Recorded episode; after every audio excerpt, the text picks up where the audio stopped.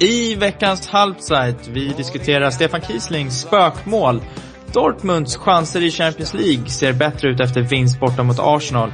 Och det kommande roderbyt som spelas på lördag. Välkomna!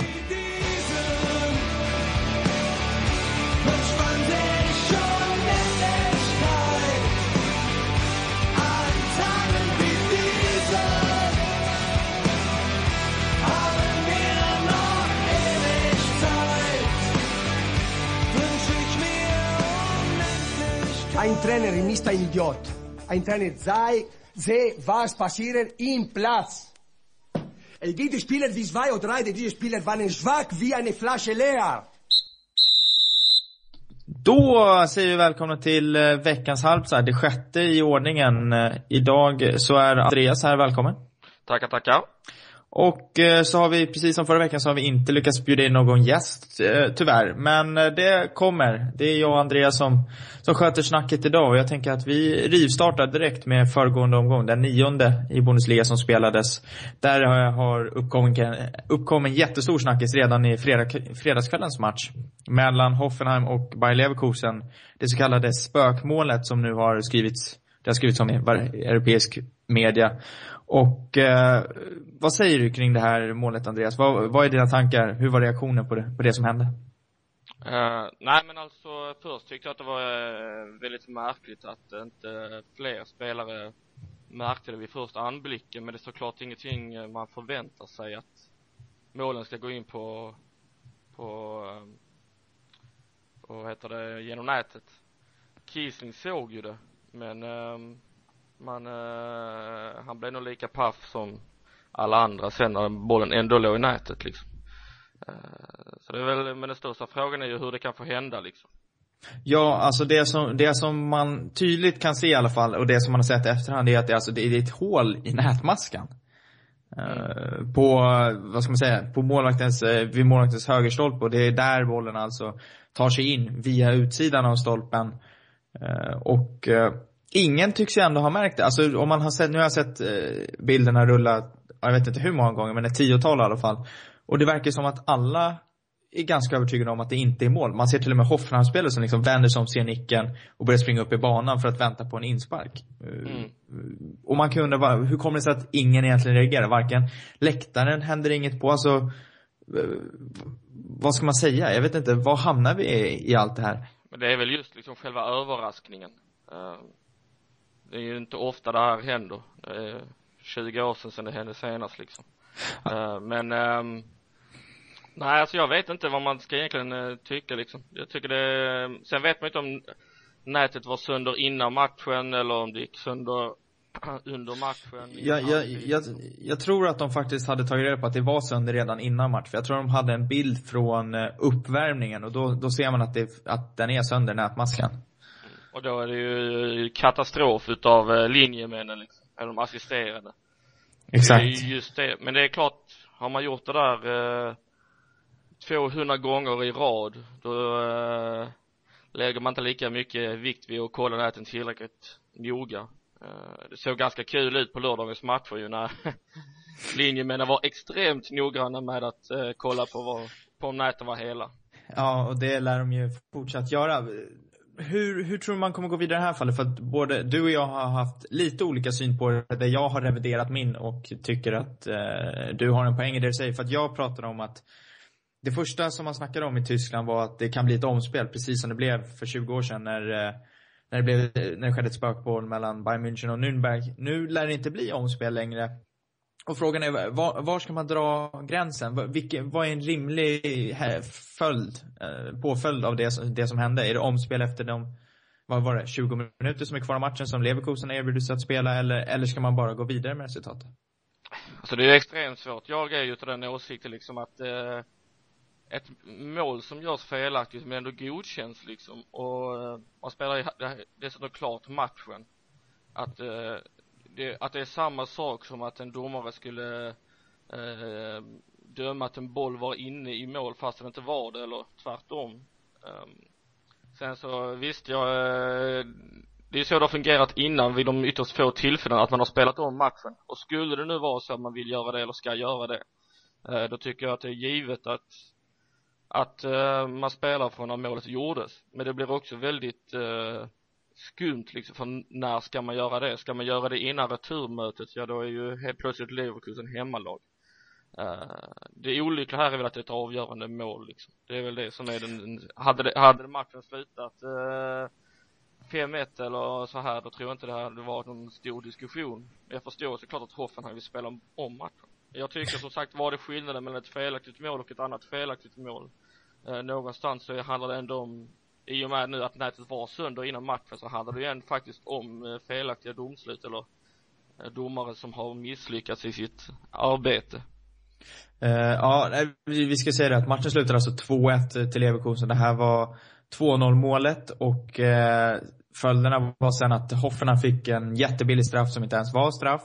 Och uh, de reducerade i den 88 minuten sådär. Men min, mitt intryck nu det är väl att man har eh, tänkt faktiskt gå vidare och eh, säga att det här, det här resultatet står sig 2-1. Man tänker inte korrigera det i efterhand. Och jag, för någonstans, jag var först för omspel. Jag tyckte att det, det hade varit rättvist på många sätt vis. Men samtidigt så är det det är som du säger, alltså domaren har dömt och hur många gånger har vi inte varit med om att eh, att det har blivit fel beslut förut som man inte har spelat omspel för. Man tänker till exempel det som Hoffenheim råkar ut mot Nürnberg när Kevin Folland har en boll inne. Eh, borde inte det också leda till ett omspel i så fall eftersom att man har sett det i efterhand?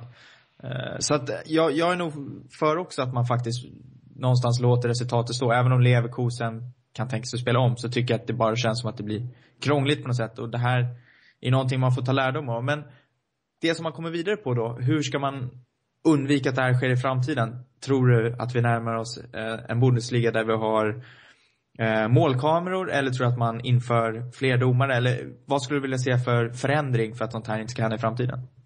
Ja, först och främst så tycker jag inte att man ska använda eh, två år gamla nät som man förmodligen gjorde, eller uppenbarligen gjort i Hoffenheim.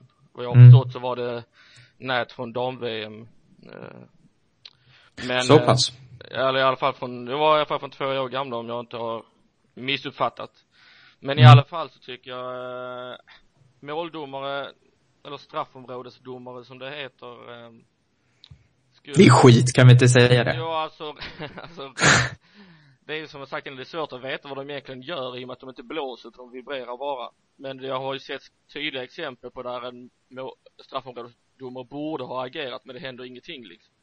Och skulle han i det här fallet stå på andra sidan nätet den där bollen gick in så tror inte jag att han hade sett den då så att just den där biten tror jag inte liksom att det hade hjälpt. Eh, sen så är det ju svårt med själva tekniska lösningarna då. Det finns ju många exempel. Jag tycker liksom att det borde kunna gå att ta fram någon form utav eh, teknisk eh, hjälp som alltså eh, inte så att det krävs avbrott utan att det, det finns liksom eh, domarna har ju ändå headset på sig liksom så ja. har, har man en, eh, en dator som direkt kan säga att ja den här bollen är inne liksom eller att eh, den inte är det att det direkt når ut till till domaren men det är ju svårt att utvärdera något sådant innan det liksom har testats på Nej det, det på som den här nivån liksom Ja, det som, som jag har diskuterat nu eh, är ju det här systemet de ska använda i Brasilien. Som är molnkameror som är eh, ett, det är ett tyst företag som har genomfört dem. Så det borde väl ligga, eller som, som gör de här kamerorna helt enkelt, det var det jag ville säga. Och eh, det borde väl ligga ganska nära till hand att det här systemet i så fall införs om det är ett tyst företag som har gjort det. Men reaktionen i Tyskland för det tyska fotbollsförbundet är att man ligger absolut inte ens nära tanken på att införa ett målsystem och det beror helt enkelt på att man, man vill inte öppna upp Pandoras box som man säger. Man tror att om man inför ett elektroniskt system till mål så är det bara en tidsfråga innan det kommer att användas till annat. Mm. Men samtidigt så tycker jag att det finns viss, en viss charm i att sånt här sker. För att det här är en händelse vi kommer att prata om i 10-20 år när det kommer att hända liknande grejer. Och jag gillar ju det klassiska. Jag tycker det är kul att man kan ta upp ett sånt här Thomas Helmer-mål som skedde för 20 år sedan. För att det, det, det tillför någonting till fotbollen och jag tror att den här händelsen också kommer att göra det. Men vad, vad, vad tror du, om vi ser nu, vi har pratat om eh, vad som kan hända, vilka, vad, vad man kan införa och sådär. Men vad tror du kommer hända? Jag pratar ju om att jag tror att resultatet står sig. Vad, vad tror du kommer hända? Uh, ja, jag har inte läst de senaste uh, de skulle ju förhandla eller diskutera detta igår liksom. Jag har inte läst någonting om det, men jag, alltså det, det ska man gå på vad som har hänt innan så är det såklart att det blir omspel. Um, då tror jag faktiskt att man eh, spelar om hela matchen. Jag tycker det är svårt att spela om 20 minuter. Men eh, jag hoppas, eller min egen åsikt är såklart att resultatet ska stå sig. Eh, men, eh, nej. Sen så, vad gäller kameror så här, tror inte att eh, Bundesliga eller förbundet är så intresserade av att vara först med en eh, teknologisk lösning. Man vill nog gärna se det liksom eh, fungera på andra håll innan man eh, tar det steget. Och sen så det händer ju inte så himla ofta och min uppfattning är väl att det inte så ofta heller i tysk fotboll där det är någon diskussion om bollen var inne eller ute liksom. Det händer ytterst sällan känns det som och jag tror att linjen men den är ganska så bra i i, i Tyskland liksom på, på på liksom bedöma de här situationerna. Så jag tycker det är väldigt sällan vi har de här eh, diskussionerna. Ja, ja, sagt. Det blir intressant att följa, men eh, resten av Bundesliga-helgen blev ju verkligen en skugga av spökmålet får man säga, för att eh, det var det som diskuterades. Eh, Dortmund gick och vann hemma mot Hannover med 1-0. Eh, borde väl ändå ha blivit lite större siffror där kan man tycka, eller hur? Ja, inte som spelet såg ut. Eh, Dortmund, upp, Dortmund öppnade matchen väldigt bra eh, och Royce gjorde ett tidigt straffmål. Eh, men annars tyckte jag Hannover visar riktigt bra bortaspel och höll fantastisk koll på Lewandowski i försvaret. Så att Hannover behöver absolut inte skämmas så de skulle nog haft en poäng om jag ska vara riktigt ärlig. Men mm. ja, nej, blek insats av Dortmund faktiskt i det stora hela. Ja, och eh, Bayern München gick och vann med 4-1 efter att ha legat under mot Mainz hemma med 1-0 halvtid. Sen eh, genomförde man några byten och i andra halvlek så var det bara ett eh, lag på planen så att de vann, plan, eh, vann enligt planen där. Bremen-Freiburg 0-0. Eintracht Braunschweig, Schalke 2-3. Braunschweig tror jag var uppe i ledning eh, två gånger va? Ja, precis, de hade ju lite, det känns lite typiskt bottenlag, de får emot sig två, tre mål i slutet av matchen där. Ja, hönsgård i försvaret. Ja, kan man lugnt säga. Alla tre målen ser ut eh, på samma sätt känns det som. Mm. Anmärkningsvärt där är väl att Schalke fick en skada på eh, Marco Höger liksom. Och eh, lägger till ytterligare ett namn på sin digra skadelista. Exakt, eh, vilket vi kommer prata om när vi pratar lite senare om det Ruhrderby som spelas på lördag. Uh, Eintracht Frankfurt mot Nürnberg 1, Hertha Berlin mot Borussia Mönchengladbach, en match som både du och jag höjde eh, som väldigt intressant på förhand. Slutade 1-0 till Hertha. Eh, som nu ligger på en fjärde plats. Eh, vad tror vi eh, om fortsättningen för Hertha? Kan de hålla sig där uppe i toppen och slåss om en Europaplats? Alltså man börjar ju undra. Eh, det är väldigt svårt. Eh, jag tycker de, jag såg bara första halvlek här mot uh, Mönchengladbach. Jag tyckte de gjorde det riktigt bra. Men jag, jag är nästan mer orolig för Mönchengladbach. För jag tycker de inte kommer upp i det spelet man kan förvänta sig av i många matcher. Men, uh, ja, Hertha Berlin kommer ju sluta topp 10, det är jag rätt garanterad om. Sen om det blir uh, Europaspel eller ej, det får vi väl se här senare under hösten om de kan bibehålla det här spelet.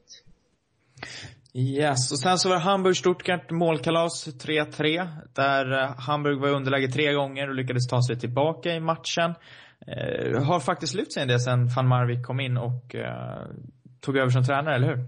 Absolut, en fantastisk match. Eh, kanske den bästa jag sett med opartiska ögon den här säsongen faktiskt. Eh, riktigt underhållande och eh, där Tolga Aslan var fantastisk på på mittfältet.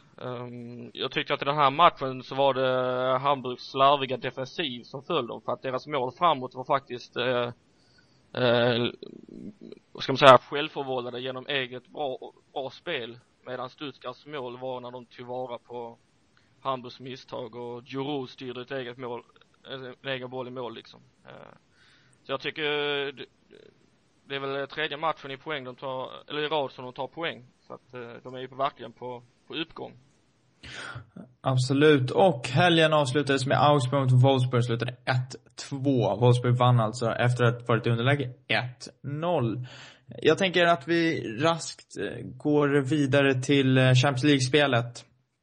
Där eh, alla fyra klubbar var involverade men endast tre, eller endast tre. Endast, det var ett lag som torskade helt enkelt. Vi kan ju börja med tisdagens matcher och eh, eftersom att du är Dortmund-supporter så antar jag att du är ganska lycklig över att Dortmund kom iväg eh, med tre poäng från Wembley. Tre välbehövliga poäng med tanke på att gruppen är så jämn där med Napoli och Arsenal.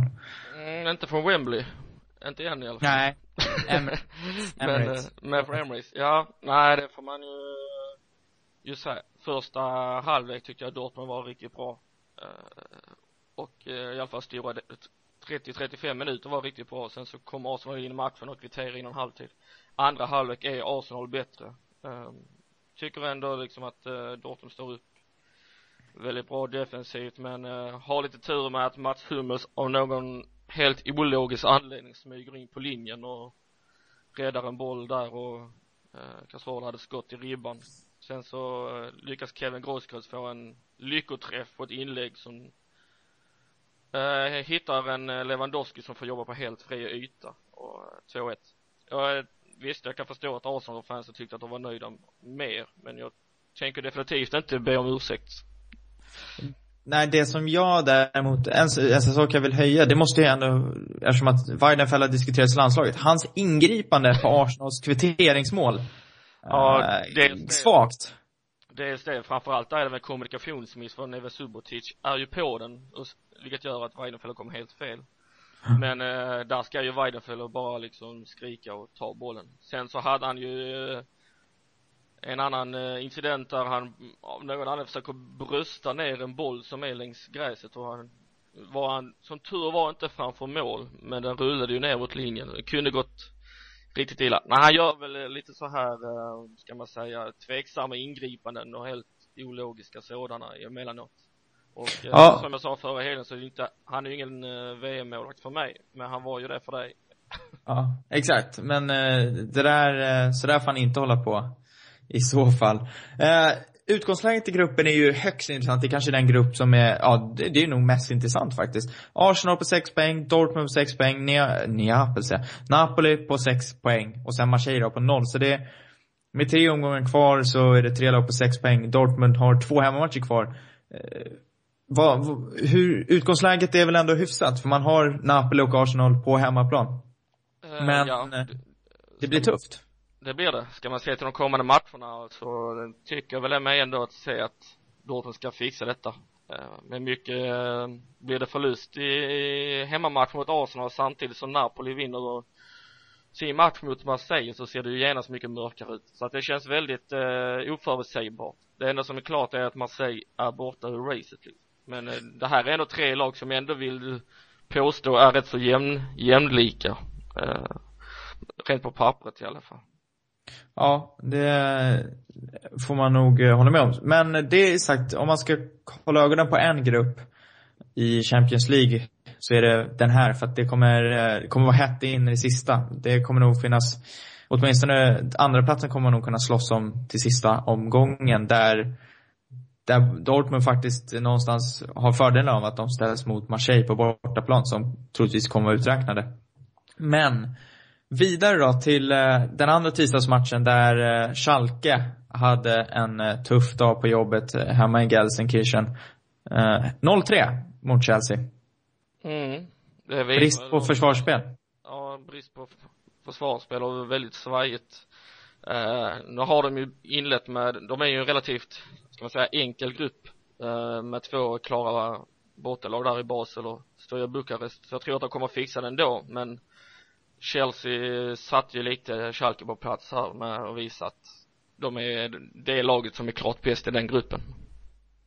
Ja, eh, man kan ju också se på de mål som sker att eh, Schalke inte, jag vet inte vad de sysslar med. Det är två enorm, enorma omställningar som leder till att Chelsea kommer i överläge, två mot en. Eh, och i princip öppet mål båda gångerna. När, när Schalke i och för sig försöker gå på för en kvittering, men det, det såg väldigt, väldigt konstigt ut. Och eh, nej, det är väl som du säger. Schalke borde ta sig vidare för att Basel och Buke, Stoja Bukarest är inte på samma nivå som Schalke, men Schalke är ju inte på samma nivå som Chelsea. Så att jag tror att om man går vidare till, eh, till ett slutspel så tror jag många lag gärna vill ha Schalke. Eftersom att de är nog, eh, kommer nog vara en av de sämre grupptvåorna. om jag får vara sån. Men eh, hur, hur tycker du det ser ut för tränaren Jens Keller? Sitter han löst eller sitter han fortfarande ganska stabilt på sin plats i Schalke? Jag tror att han sitter rätt stabilt nu, eller kanske inte, han är inte fast eh, satt som given eh, fortsatt tränare men de har ju i Bundesliga av någon det är svårt att, vad ska man säga? De ligger ju femma liksom och det är inte så att man har eh, märkt av att de har gjort några förbättringar rent spelmässigt men de resultaten går ju deras väg. Och de är ju bara en poäng från eh, Hertha Berlin som ligger fyra så att eh, jag tror att så länge de är med i det racet där kring eh, den fjärde Champions League-platsen så tror jag inte att eh, det är någon fara med Jens Keller. Eh, jag tror inte att själva resultaten i den här i Champions League kommer direkt eh, påverka hans utgång eh, så länge de inte kommer fyra i gruppen, det, det skulle ju vara ett rejält fiasko. Men det lär inte heller hända. Nej, det ska nog mycket till. Eh, onsdagens matcher, då kan vi börja i Leverkusen som hade en riktigt bra dag mot eh, Shakhtar Donetsk och vann med hela 4-0. Kiesling gjorde två mål, båda på rätt sätt innanför stolpen. Gick bollen då och eh, näten var hela. Eh, riktigt, riktigt bra fotboll från Leverkusen som verkligen straffade eh, Shakhtar i, i, ja, nästan i 90 minuter. Hela tiden på plan. Dock fick man en extremt billig straff som, ja det var inte straff. Kiesling mot, eh, vad är det, Dario Serna, tror jag i straffområdet som, eh, ja han ramlar lätt och får straffen med sig. Men eh, Leverkusen fortsätter egentligen att imponera. Det är bara matchen mot United där som har varit tung. Uh, hur, hur ser deras chanser ut? För att de är en grupp, United har sju pinnar.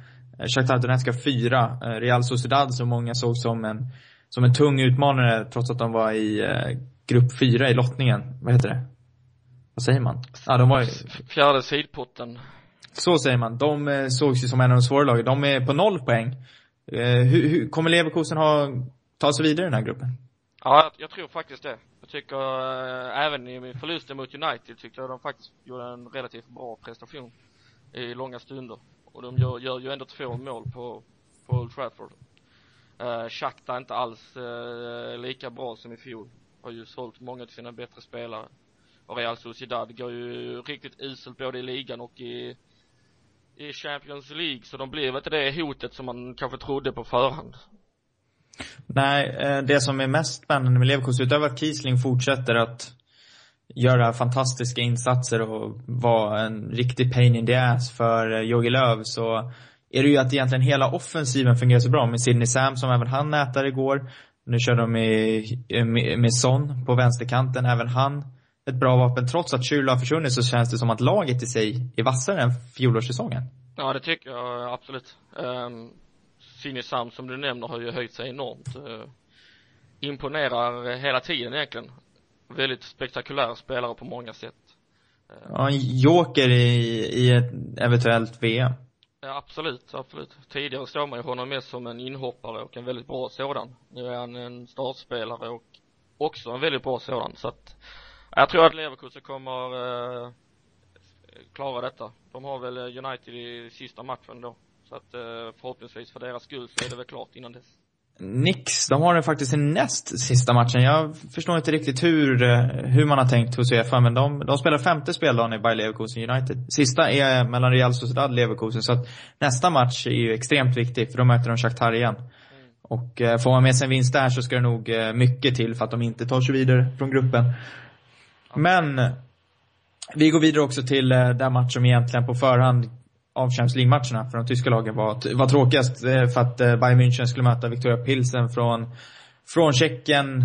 Jag tror det tar typ tre timmar med bil mellan städerna och sånt. Och eh, på förhand så snackades det bara om hur mycket Bayern skulle vinna, men inte om de skulle vinna. Och det blev till slut 5-0. 35-1 tror jag i skott på mål. Det högsta man någonsin har mätt upp. Eh, sen man mätte upp resultat, eh, skott på mål i Champions League. Eh, ett lag på planen.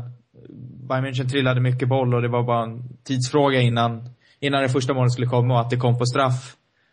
Det var ju spännande där inte Arjen Robben fick kliva fram utan Frank Ribéry. Mm, jag vet inte, det var likadant i helgen eh, mot Mainz ju, då ville ju, då ville, tog Robben bollen men eh, fick villigt ge över den till Thomas Müller? Thomas Müller. Eh, det, är uppenbart att det är Arjen Robben på något sätt vill markera att det är han som eh, ska lägga straffarna men det verkar inte vara så att alla håller med honom om det. Eh, så han gör ju mycket bra i annat. Men det är, man kan väl inte klaga när, när straffarna går in liksom.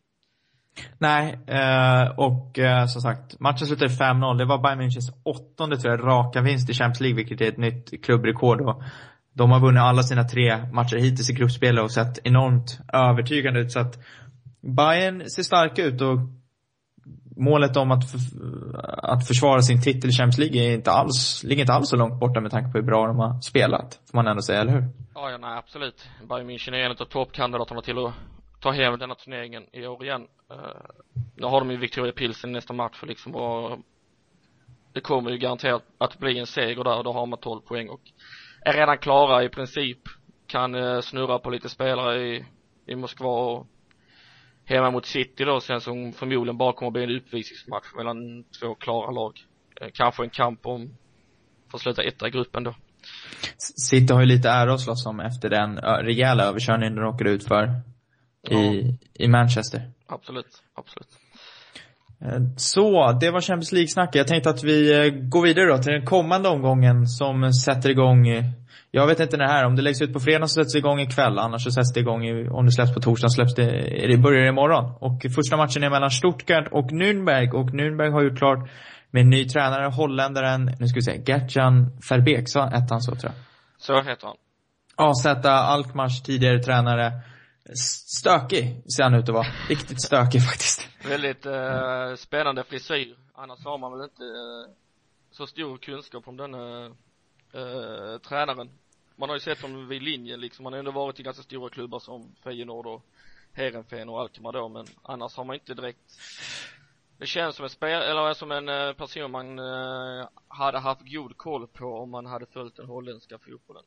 Ja, det, jag skulle faktiskt, den som är, har koll på Verbeek får ex, extremt gärna skriva in en kommentar eller ett mail på Svenska fans Eh, för att eh, jag har försökt hitta lite information om honom, men jag hittar ganska lite. Det jag har förstått är att han, han är discipliner, en disciplinerad tränare som uh, håller hårt på strukturen, vilken Nürnberg sökte, och en som drillar väldigt mycket taktik. Men som gärna spelar Eh, en ganska offensiv eh, fotboll som liksom fostrade i Cruyff-tänket i, i Holland. Jag tror han är runt 50 år, så det känns rimligt. Men Matchen är ju på förhand väldigt intressant för Thomas Schneider eh, som är tränare i Stuttgart har ju ännu inte förlorat sedan han tog över efter Bruno Labbadia. Va, va, vad tror vi om utgången i matchen? Uh, ja, alltså, jag tror, jag vet, jag tror inte att eh, uh, Fabik kommer, eller Fabik kommer att hinna uh, styra upp så jättemycket. Eh, men eh, Stuttgart såg ju inte heller så defensivt eh, eller offensivt starka ut mot, mot Hamburg. Ehm, ja, det kan ju bli båda delar. Nürnberg måste ju på något sätt liksom höja sig ett par nivåer om man vill vara, undvika att vara med i bottenkampen. Mm, nej, men jag tror, jag skulle ju tippa på Stuttgart i den matchen, definitivt. Ja, det blir spännande att se. Vidare till lördagen. Bayern München möter Hertha Berlin. Och sen så har vi Bayer Leverkusen, Augsburg, Hannover, Hoffenheim, Mainz, Eintracht Braunschweig och sen eh, det absolut eh, mest intressanta mötet i helgen, den som, det mötet som alla borde se, som vill, som är intresserade av tysk fotboll, de som liksom verkligen vill se matchen som eh, någonstans signifik som är signif signifikativ för tysk fotboll. Så ska man ju slå på tvn 15.30 på lördag på Eurosport. För då spelar Schalke mot Borussia Dortmund i det så kallade Roderbyt. Och eh, jag vet inte, Andreas kan väl beskriva det du kan väl beskriva det bäst med tanke på att det är Dortmund-supporter. Hur mycket betyder den här matchen? Uh, den betyder otroligt mycket. Det är ju det klassiska um, derbyt, den stora rivalen för både Dortmund och Schalke liksom.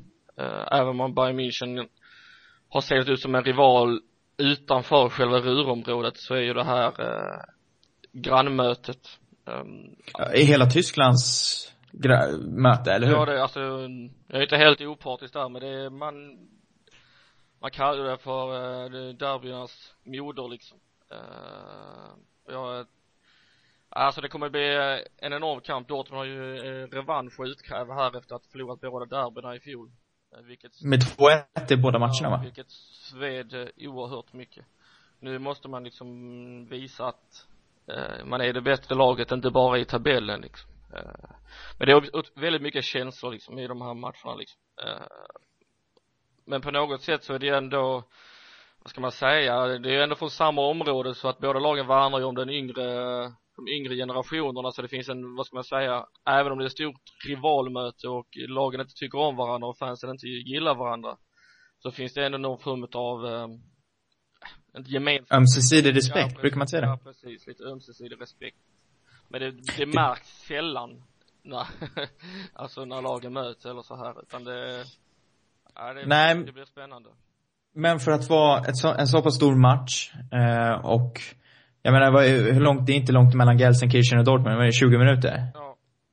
Så får man ändå säga att rivaliteten är, är ganska, den är, det är ingen aggressiv rivalitet på det sättet.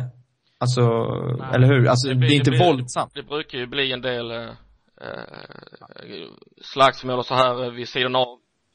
Men det är tyvärr alltså som eh, som jag nu är jag inte från området själv liksom men jag tycker liksom inte att det är signifikativt liksom för vad det, vad båda lagen står för liksom men eh, Nej. tycker ändå att eh, det finns en härlig rivalitet liksom och den får gärna vara lite hetsig och så här det är ju två klubbar som egentligen kommer ur en liknande historik som mm. arbetarklubbar och sådär. Sen så har de haft olika perioder där där Schalke var det bättre laget innan kriget, eh, alltså innan andra världskriget. Dortmund var lite starkare efter andra världskriget. Och sen, sen Bundesliga startade på 60-talet så har det varit extremt jämnt. Jag tror att det, Dortmund har 27 segrar, Schalke 25 och sen så är det 21 oavgjorda eller något sånt. Så att eh, det är jämnt. Men om vi ser till själva den här matchen. Utgångsläget är ganska klart. Schalke har en hel del skador. Huntelaar borta, Farfan borta, Marco Höger borta.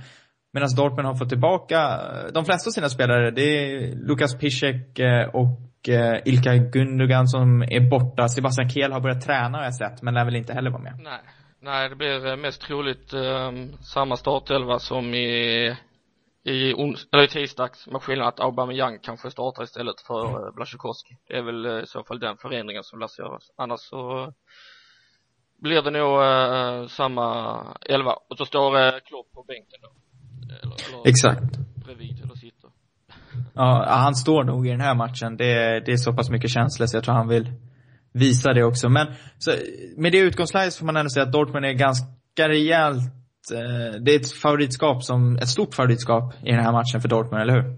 Helt klart. Eh, även om det har sett lite knackigt ut i, i ligan så Knackigt ut, och då ska man säga att det är väl typ Dortmunds bästa start nästan någonsin, ja, är inte så? Eh, de två senaste matcherna med förlust mot äh, Mönchengladbach, äh, en äh, visserligen seger mot äh, Hannover men långt ifrån äh, övertygande sådan. Resultatmässigt har de ju varit väldigt bra, det kan man inte äh, förneka. Men äh, det är klart att Dortmund måste ju visa här alltså helt enkelt att man är bättre lag än Schalke liksom. äh, och att man ligger, vad är det, åtta poäng före av en anledning. Samtidigt väldigt mm. viktigt att hänga på för att eh, förlust här så eh, kan ju Leverkusen passera och Bayern München rycka ifrån så att det är inte bara den är viktig ur alla, alla aspekter egentligen. Ja, nej, det blir, det blir extremt spännande att se. Jag tycker att alla som har möjlighet borde se den. Eh, hur man nu än gör det. Jag vet att Eurosport sänder 15.30. De har eh, kommentatorer på plats. Micke Bergvall och Rami Shaban ska köra den helgen. Så att uh, det kommer bli extremt spännande. Det, det är en match som innehåller egentligen allt man kan begära av en fotbollsmatch. Uh, bra stämning, två hyfsat jämna lag och två lag som har mycket historia. Så, så att kolla på den. Helt klart. Ja, och lördagen avslutas med Wolfsburg, Bremen, Werder Bremen klockan 18.30. Och det är en ganska intressant match. Det är två lag på 12 pinnar och Wolfsburg har ännu inte riktigt nått upp till det som vi har trott på förhand. Nej. Det, det, Nej. det är alltså det är rätt uh, Eh, det är så jämnt i tabellen nu liksom man tycker att eh man inte alls har fått se det Wolfsburg som man har önskat ändå ligger de bara en poäng från Europaspel eh Werder Bremen eh har ju nästan kanske inte överraskat men presterat lite bättre än vad man trodde Eh, men de har ju också, precis som Wolfsburg, svårt med målskyttet. Uh, Wolfsburg har bara gjort eh, 11 mål Werder Bremen har bara gjort nio. Men de har samtidigt bara släppt in 12 mål respektive lag så att Ja, jag vet inte, det kan bli en tillknäppt eh, tillställning där på lördag kväll.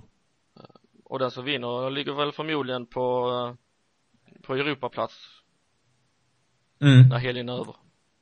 Det, det, lär, det finns en viss chans för det, helt klart. Söndagsmatcherna är SC Freiburg mot Hamburg. Eh, spännande möte med två lag som, framförallt Freiburg då, som inte har inlett säsongen särskilt bra. Jag kan säga för de som undrar så är det så att anledningen till att Freiburg och Eintracht Frankfurt får söndagsmatchen är för att de spelar Europa League på torsdagar.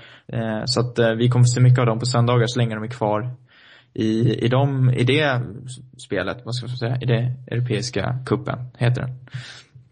Och eh, Freiburg-Hamburg, eh, har Freiburg någonting att sätta emot på hemmaplan mot Hamburg? Ja, alltså känslan är väl att han, ja, Hamburg fortfarande är något eh, svajigt liksom i, i vissa skeden. Men Freiburg har ju inte imponerat alls. Eh, ja, eh, jag vet inte. Den över, övertygelsen är ju att Christian Streich aldrig kommer få sparken liksom och det kanske han inte kommer men det måste ju någon gång måste det börja liksom segla in poäng för att nu eh, blir det förlust här i helgen samtidigt som exempelvis Nürnberg vinner så eh, är man ju faktiskt avhängda eh, på något sätt liksom för de övriga bottenlagen bortsett från Braunschweig då. Eh, mm. Så jag vet inte hur, frågan är hur stort tålamod man ska ha för en uh, tränare som Streich. Så det är precis som Tuchel eller Mainz eller Klopp i Dortmund liksom att hur mycket motgångar får det gå innan till och med uh, styrelserna där liksom börjar uh, tveka liksom. Uh, jag tror alltså Streich är ju, han är omöjlig att ogilla. Men ja. går man tio matcher utan seger i Bundesliga när man förra säsongen ändå var tog sig till Europaspel. Då tycker jag ändå att det borde finnas, måste finnas någon form av lösning liksom. Ja, det blir spännande att se eh, vad som kommer att ske eh, mellan Freiburg och Hamburg. Och eh, Bundesliga-helgen avslutas med en eh, ganska intressant match. Eh, Borussia Mönchengladbach mot Eintracht Frankfurt. Två lag som man har förväntat sig ändå ganska mycket av. Eh, men precis som egentligen de flesta lag som ligger i mitten av tabellen så tycker man inte att de har nått upp till den standard som man har trott. Hur, hur, hur, känner hur, vad tycker du om avslutningen på Bundesliga-helgen mellan de här två? Jag tror att det kommer att bli en riktigt bra match. eller väldigt, i alla fall en väldigt intressant sådan. Eh, Frankfurt har ju inte visat någon eh, offensiv eh, kvalitet liksom. Eh och Borussia Mönchengladbach har ju den här offensiva kvaliteten men det är bara att kolla, man åker till Berlin och lyckas inte ens göra ett mål liksom på på Hertha Berlin som visserligen har ett rätt så eh, ett försvar som har visat sig vara väldigt bra. Men eh, jag tycker väl att eh Mönchengladbach måste nästan eh, sätta lite tonen här för vad man vill den här säsongen eller vad man ska nå den här säsongen Ja, det, det börjar bli dags för det. Med tanke på att de inte har något Europaspel så har de ju, det är ju Bundesliga som gäller och de, det förväntas som att de faktiskt ska ta åtminstone en Europa League-plats men även vara med och slåss om kanske den eh, sista platsen till Champions League. Men eh, det var den kommande Bundesliga-omgången, den tionde i sin ordning och det här var det sjätte halvsajt som eh, kommer att komma ut eh, på torsdags eftermiddagen eller på fredag. Beror lite på hur eh, mycket Andreas hinner fixa med det där. Men det tar viss tid att korrigera allt. Var det något annat du ville ta upp? Uh, nej, missa inte derbyt. Det är det jag vill Nej. 15.30 på lördag.